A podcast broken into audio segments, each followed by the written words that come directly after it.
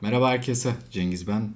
Duvarın Ardına hoş geldiniz. Bugün İstanbul Moda'dayım. Yanımda arkadaşım Ersin Baltacı var. Kendisi psikiyatri ve felsefe çalışma biriminin eş koordinatörlerinden birisi. Geçtiğimiz aylarda özellikle pandeminin böyle tam ortalarından itibaren Bergson okumaları yapmıştık. Felsefe çalışma birimi olarak pek çok arkadaş, klinik psikolog, psikolog ve psikiyatrist arkadaşlarla beraber yine felsefeci arkadaşlarla beraber bu okumaları çok keyifle yapmıştık. Ve Henry Bergson'un kitaplarını okumaya karar vermiştik. O zamana kadar pek de böyle okuduğumuz, bildiğimiz birisi değildi açıkçası. Zaten böyle hani okuduktan sonra da fark ettiğim üzere çok da böyle aşırı popüler olan birisi değilmiş. Biz de belki başlarken böyle çok emin değildik. İlk okuduğumuz zamanlarda çok zorlandık onun dilini anlamakta, onun bakışını anlamakta. Ama zaman geçtikçe böyle bir e, bağlılık, bir aidiyet hissettiğim bir filozof da oldu. Şöyle dönüp bakınca da Bergson niye farklıydı diye düşündüğümde pek çok şey gözümün önüne geldi açıkçası. Kendisi Darwin ve Spencer'ın evrim teorilerinin yetersizliğini göstermiş. O dönem yaşayan Einstein'la bazı tartışmalara girmiş. Yine Freud'un psikanalizin gelişimi evresinde belki de pek çok düşüncesine derinlik veren bir filozof olmuş ve gerçekten diğer filozofların belki yine çağdaşlarının aksine ortaya attığı düşünceleri, hipotezleri kendi içinde tartışan ve ortaya attığı şeyin sonucunu yolun sonuna geldiğinde gören birisi ve en başta bir kabulle başlamaması bence en heyecan verici özelliğiydi ve biz onun madde ve bellek kitabını okumuştuk. Belleğe dair getirdiği açıklamalar biz işte psikiyatristleri, psikologları gerçekten şaşırtmıştı. Çünkü yine o dönem özellikle Broca e, böyle bir cerrah ve antropolog olarak insanın belleğinde bazı alanları saptamıştı. O zamanki işte afazi çalışmalarında konuşamayan ya da bellek kaybı olan insanların beyninin bazı bölümlerinin etkilendiğine dair çok güçlü çalışmalar getirmişti ortaya.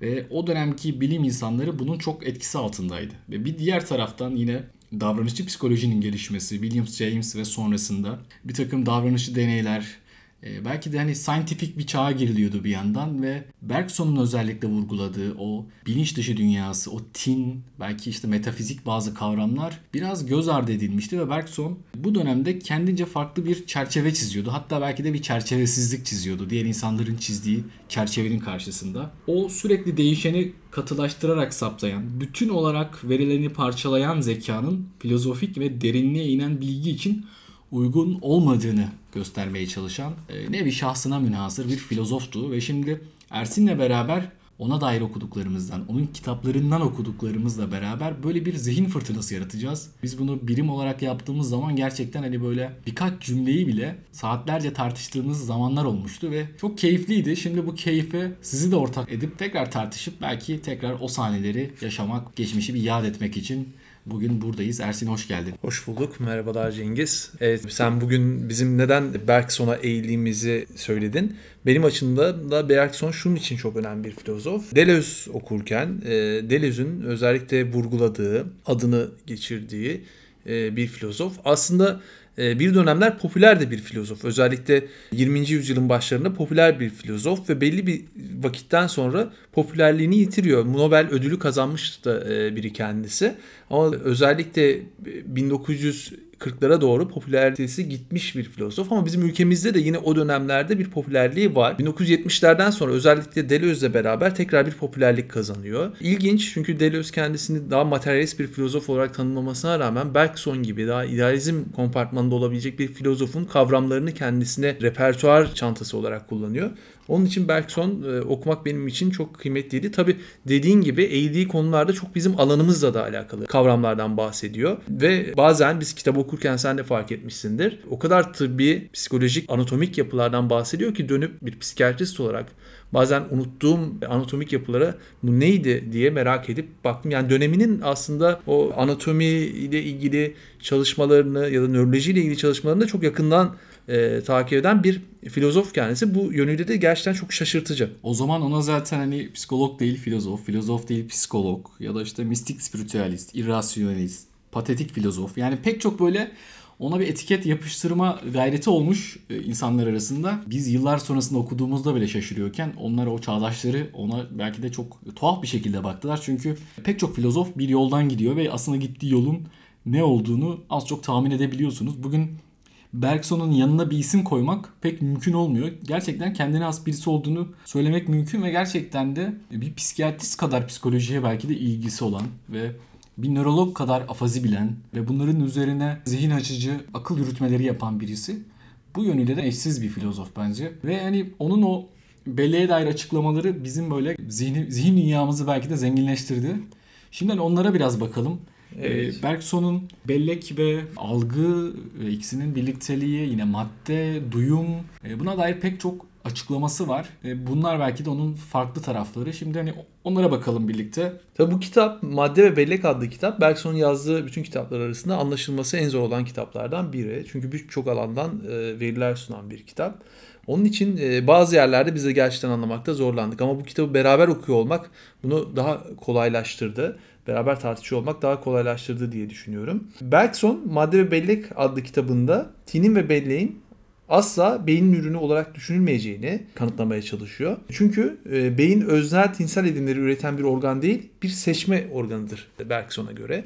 Gerçekten çok ilginç bir tespit. Çünkü beyni sadece bir seçme organı olarak tanımlıyor ve aslında belleğin beyinde kaydedilen bir şey olmadığını, beyinde kaydedilen şeyin sadece devindirici belleğin daha pratik alanda hizmet eden bir belleğin sadece görünür tarafı olduğunu, oysa belleğin sadece beyinde yer almadığı bilgisi çok çarpıcı bir bilgi. O zaman çünkü çalışmalar hep belki işte anatomi patolojik çalışmalar. Beynin bazı bölgelerini lokalize etmek. Yine işte beyindeki bazı kıvrımların bazı bilgileri depoladığını düşündürten bazı bilim adamları var. İşitme şurada kodlanır, görme burada kodlanır. İşte insanın şurası bir hasar alırsa, beyninin şu bölgesi hasar alırsa şunları hatırlayamaz gibi. Çok böyle belki determinist açıklamalar vardı. Ama Bergson bu işin bu kadar basit olmadığını, o zamanki bilim adamlarının bellek diye söylediği kavramın aslında bir yandan başka bir kavram olduğunu ya da o dönemde bellek denilen şeyin nasıl diyeyim çok daha böyle basit ve küçük bir tarafından ele alındığını söylüyor ama Bergson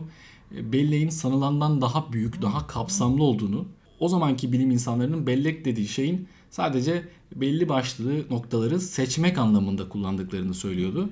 E, Buna dair açıklamalar getiriyordu. Bir yerden bölmek gerekirse belki o senin dediğin işte bellek e, sadece farkındalık alanının içinde bir hapsedilmiş bir bellek değil. Farkındalık alanının dışında da var olan bir bellekten e, bahsediyor. Yani o devindirici pratik yanının dışında daha pratiğin dışında da daha kapsayıcı daha genel bir bellek türünden bahsediyor. Belki bu yönüyle tam olarak denk gelmese de bilinç dışından da bahseden bir filozof Bergson. Evet o zaman zaten bilinç dışının böyle yavaş yavaş konuşulmaya, anlaşılmaya başlandığı zamanlar pek çok insan bilinç dışına dair bir takım açıklamalar getiriyor. Ama hani o zaman kuramlar belki Freud'un kuramları bilinç dışıyla bilinç arasındaki hattı biraz daha böyle net bir şekilde ayırmaya çalışıyordu. Belki o demarkasyon hattı soyut bir kavram olsa dahi bir yandan onların böyle somutlaştırmaya çalıştığı belki de devinimsiz bir hale getirdi. Yani bilinç buradadır, bilinç dışı buradadır dediği bir şey. Ama Bergson bu iki kavramın bir şekilde devinim halinde olduğunu, belleğin ya da bilincin bir şekilde sürekli bir devinim halinde olduğunu ve bizim bu devinimin içerisinde yer aldığımızı vurguluyordu. Bir yandan aslında hep hareketi vurgulayan, statik olmanın imkansız olduğuna dair bir takım açıklamalar getiren bir filozof. Bu yönüyle de yine ilgi çekici. Biraz böyle sorularla gidelim istersen Cengiz sen de uygun görürsen. Olur. Sadece Bergson'a da takılı kalmayalım. Biz kendi psikiyatri bilgimizi de biraz böyle bu tartışmaların içine katmaya çalışalım. Belki biraz saçmaladığımız yerler de olabilir ama olsun. Çünkü her saçmalamada farklı bir düşünme tarzını da beraberinde getiriyor.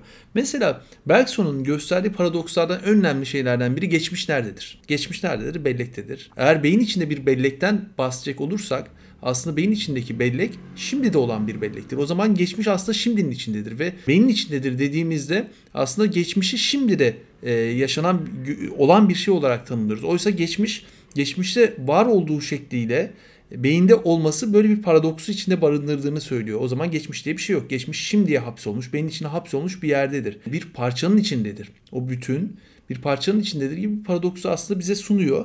Ve bu paradoksta da belleğin e, beyin içinde açıklanamayacağını ileri sürüyor. Zaten hani şöyle diyor.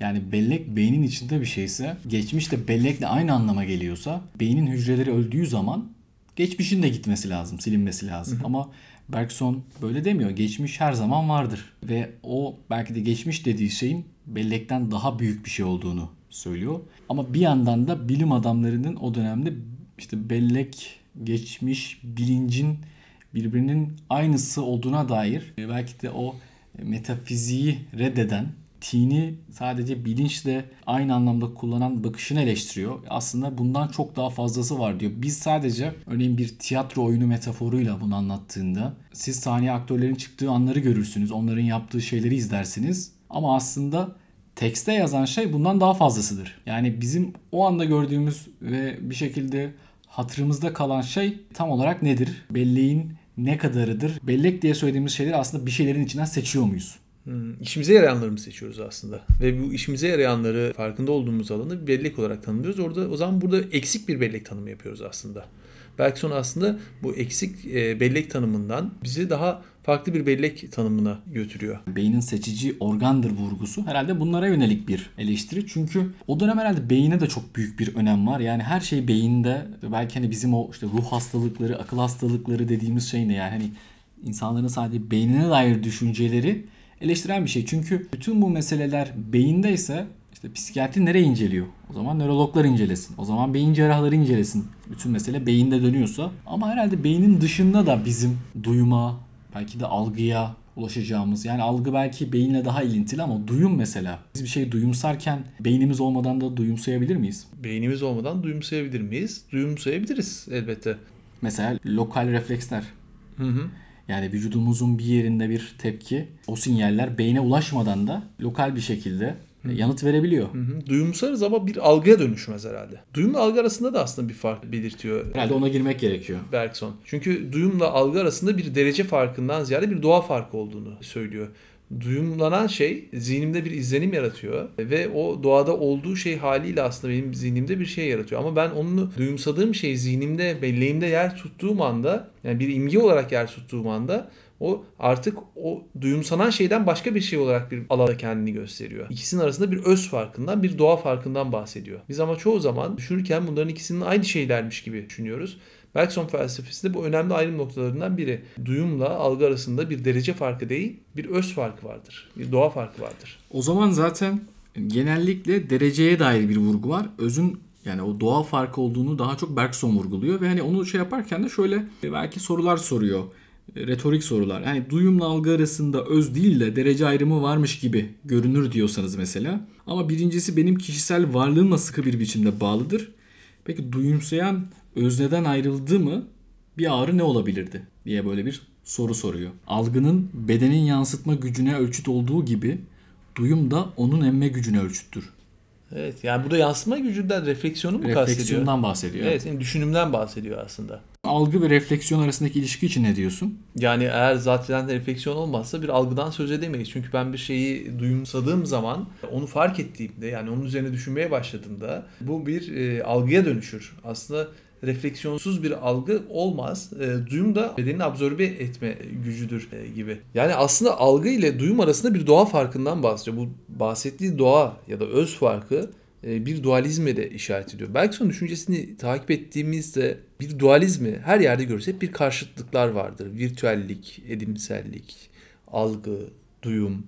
Böyle hep ikilikler üzerinden yürüyen bir filozof aslında. Bu dualizmi ortaya çıkartan, bunları ortaya seren ve daha sonrasında birleştiren bir yanı da var. Polarite yaratıyor ve o polaritenin içinde onların birbirine devinimini de buluyor gibi anladım ben. Evet aslında bir devinim filozofu, devinimin filozofu. Yani çünkü şöyle düşünsene doğada her şey devinim halinde değil mi? Ama biz devinim halinde bir doğayı kavramakta çok zorlanırız. Çünkü bu bizim açımızdan pratik bir anlam ifade etmez. Düşünsene her gün doğan güneş başka bir güneş. Her gün düşen yaprak, esen rüzgar, yağan yağmur hepsi bir, bir başka. Hatta her gün iki insanın karşılaşması bile birbirinden başka karşılaşma. Bu şekilde düşünmenin e, pratik anlamda bir faydası olmayacağı için aslında biz bu devinen şeylere bir devinimsizlik dayatıyoruz. Ya da devinen bir dünyanın içerisinde statik bir zihinle bunları algılamaya çalışıyoruz ve bu da aslında bir yandan belki algımızı daraltan bir şey. Evet, bilimlerimizin de belki en büyük problemlerinden biri bu. Yani bu kadar devinen bir dünyada kendi kavramlarımızla genelleştirmemizde onu daha durağan, daha statik hale getirmeye çalışıyoruz ve bunun üzerinden hakikati anlamaya çalışıyoruz. Oysa hakikat yani realite hiçbir zaman durağan, o kavramlardaki gibi durağan bir yapıda değil. Burada Bergson'un şöyle bir noktaya temas ettiğini düşünüyorum. Biz kavramları statik hale getirirken sanki onların etimolojik anlamlarını statik hale getiriyoruz. Yani insanın lisan becerisi güneş dediğinde etimolojik bir statiklik yaratıyor. Yani güneş kendi içerisinde ya da kendi varlığının içerisinde yine devinim halinde ama biz lisan anlamında onu statik bir yere koyuyoruz. Belki hala zihnimizde o devinim devam ediyor. Onun devindiğinin farkındayız. Ama günlük konuşma pratiğinde o etimolojik anlamda statikliğini sürdürüyor. Yani madde hala devinim içerisinde. Hı hı. Evet belki de o devinimi bahsettiğin T'nin devinimi fark ettiği şey tam da sezgi yani intuisyon dediği şey bu herhalde. Yani onu biz lisan içinde ya da kavramlarla statik bir hale almamıza rağmen aslında zihnimiz hala onun devindiği hali anlıyor. Belki bunu sezgiyle yapıyor. Yapamadığı şey akıl ve zeka. Belki de Bergson'un en önemli eleştirilerinden biri bu. Biz akıyla zekayla her şeyi çözebileceğimizi ölçerek ölçülebilen şeylere ulaşarak her şeyi anlayabileceğimizi varsayıyoruz ve böyle bir yolla bilim yapıyoruz. Elbette bunun pratik karşılığı var ama bir hakikat arayıcısıysak eğer ölçülemeyen, akılla test edilemeyen, anlaşılamayan bir yanın da olduğunu kabul ediyor Bergson ve burayı bize gösteriyor. Evet burada da bazı aklın alamadığı, kavrayamadığımız şeyler var ama bu bilinmez, bilinmeyen yanı, farkındalık alanı dışındaki yanı, o devinenin içinde e, benim tespit ettiğim devinmeyenin dışında o devinenin hep yarattığı farkı aslında gündeme getiriyor. Bu yönüyle bence çığır açıcı bir Belki yerde. hani kitaplarında bazı yerlerde şöyle şeyde geçiyor hani nasıl olur da evrenin bir parçası olan bir şey bütün evreni anlamaya kalkar. Yani biz aslında o devinen evrenin içerisinde bir parçayız ve o büyük cismi, büyük şeyi o parça olarak anlamaya çalışıyoruz. Bu da aslında bir yandan çok mümkün olabilecek bir şey değil. Yani bir bilinmezci bir yanı mı var Bergson'un o zaman? Sanki öyleymiş gibi geliyor yani bazı şeyleri bilemeyiz ama belki sezgisellik, intuition'la beraber belki de anlamlandırabiliriz diye söylüyor. Yani hani ölçülemeyen yerde başka şeyler var. Yani o sezgiyle aslında o bütünselliğe katılabiliriz belki diyor. Yani tabii 20. yüzyıl çok önemli bir yüzyıl insanlık tarihi açısından. Çünkü biz böyle artık her şeyi bilebileceğimizi, bilgiyle her şeyi yönetebileceğimizi düşünüyoruz ve böyle hareket ediyoruz. Bu insanın aslında bilgisinin kısıtlılığı hakkında ciddi bir eleştiri sunuyor e, Bergson. Belki önümüzdeki yeni bilim bu sürekli devinenin, bizim devinimsiz bir halde, statik bir halde kavrayıp pratik hale dönüştüğümüz ve hakikat saydığımız şeyi aslında tekrar devingenliğini ona iade ederek belki buradan yeni bir devinen kavramlar üreterek yeni bir bilimin olanaklarını bize gösteriyor. Bu nasıl yapılır bilmiyorum ama bu açıdan e, bunu göstermesi açısından bence önemli. Belki de bizim Bergson okumalarımızda bana kattığı en önemli şeylerden biri de bu. Her şey akarken bir anda kendi geçmişini de içinde taşıyor diyebilir miyiz Cengiz? Yani örnek veriyorum sonuçta mesela şu önümdeki bardak şu an önümde bulunduğu haliyle varken bile aslında kendi geçmişinden bazı şeyleri içinde de e, taşıyor. İşte bu bardağın maddesi nereden çıkartıldıysa onu da aslında içinden taşıyor. Yapan ustanın belki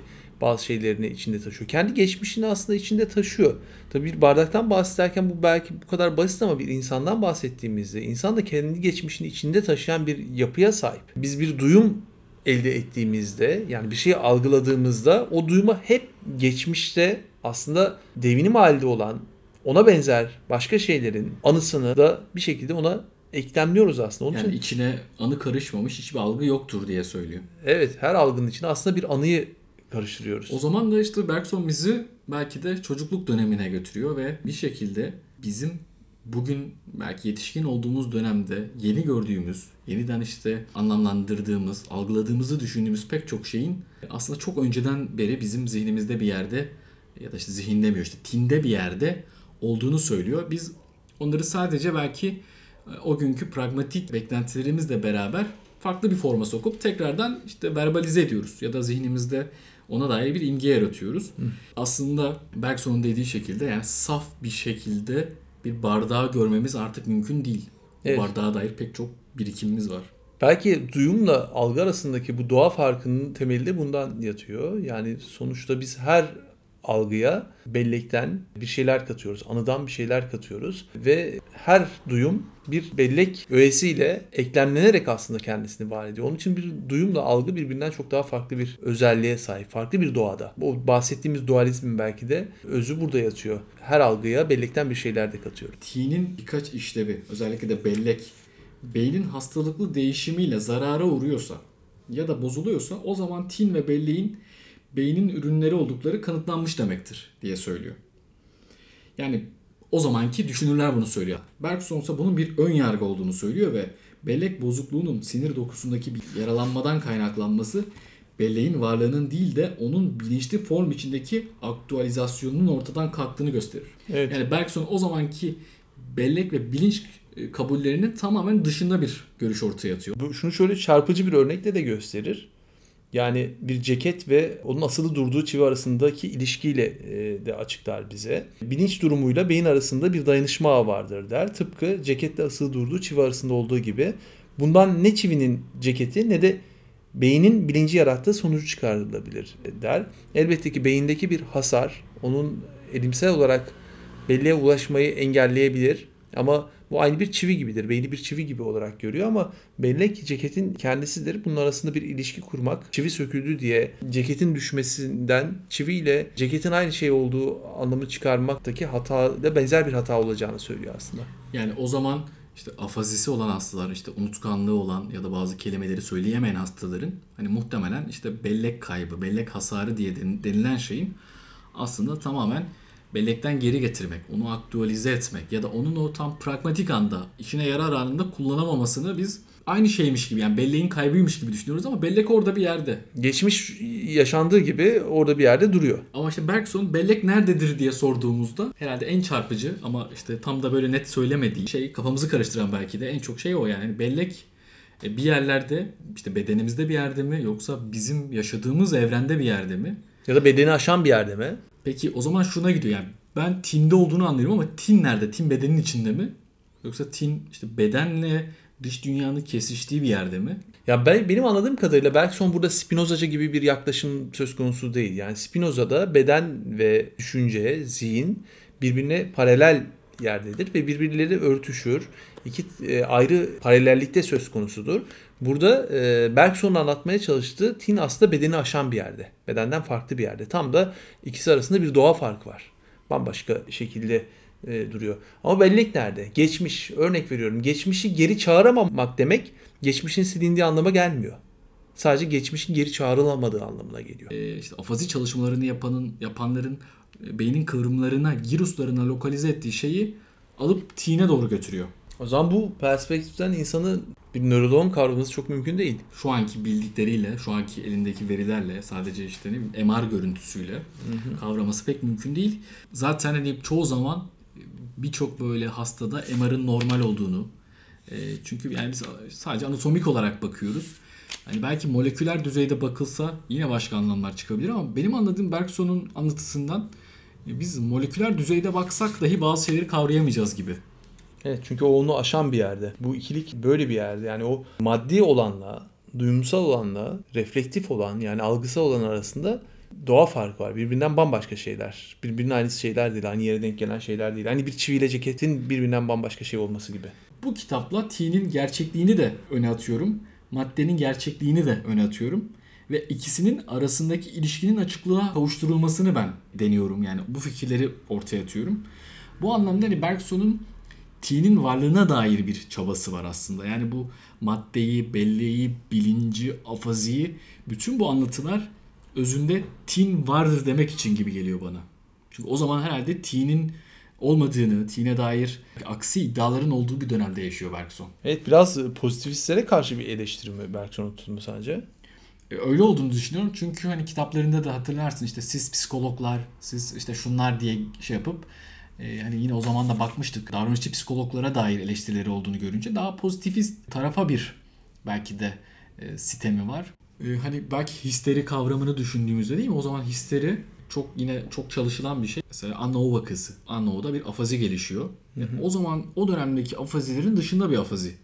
O zamandaki afaziler için hani Broca ne yapıyor? Belli alanları tespit ediyor ve bu alanlarda hasar olursa afazi olur diye söylüyor. Daha organik değil de e, işlevsel, fonksiyonel bir afazi aslında. Evet Anno'daki öyle ve o gün için histeri vakalarına ne diyorlardı? İşte yalancı, bilerek yapıyor. Ama Bergson açıklamaları bize göremediğimiz patolojilerin yani o anki elimizdeki yöntemlerle test edemediğimiz patolojilerin tinsel anlamda bir yerlerde bir problemle karşılaştığında karşımıza çıkabileceğiniz sizin bilgilerinizle o, o zamanki afazi teorisyenleriyle e, histerik bir hastanın işte afazisini konuşamamasını işte bellek bozukluğunu anlamanız mümkün değil. Evet yani tabii çok farklı bir yerden e, açıklama yapıyor. O dönemler bu kitapta aslında e, Freud'un histeri üzerine çalışmaları çok benzer zamanlarda. Bilmiyorum birbirlerinden haberleri var mı yok mu ama bu kadar böyle pozitivist her şeyin beynin içinde açıklandığı, beyinle açıklandığı bir yerde e, çok daha fe- başka bir alandan, daha felsefi alandan çok zengin. Belki bazen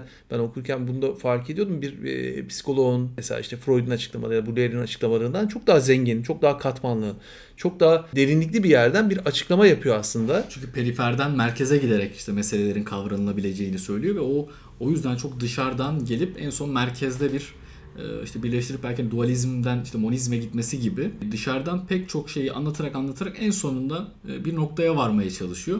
Ama dediğim gibi o e, sonunda varacağı noktayı başında bilmiyor. Evet, Freud değil mi? Aslında varacağı şeyi ispatlamak için veriler veriyor. Burada aslında verilerden bir yere varmaya çalışıyor. Çok böyle ereksel bir yerde de değil Bergson'un araştırması.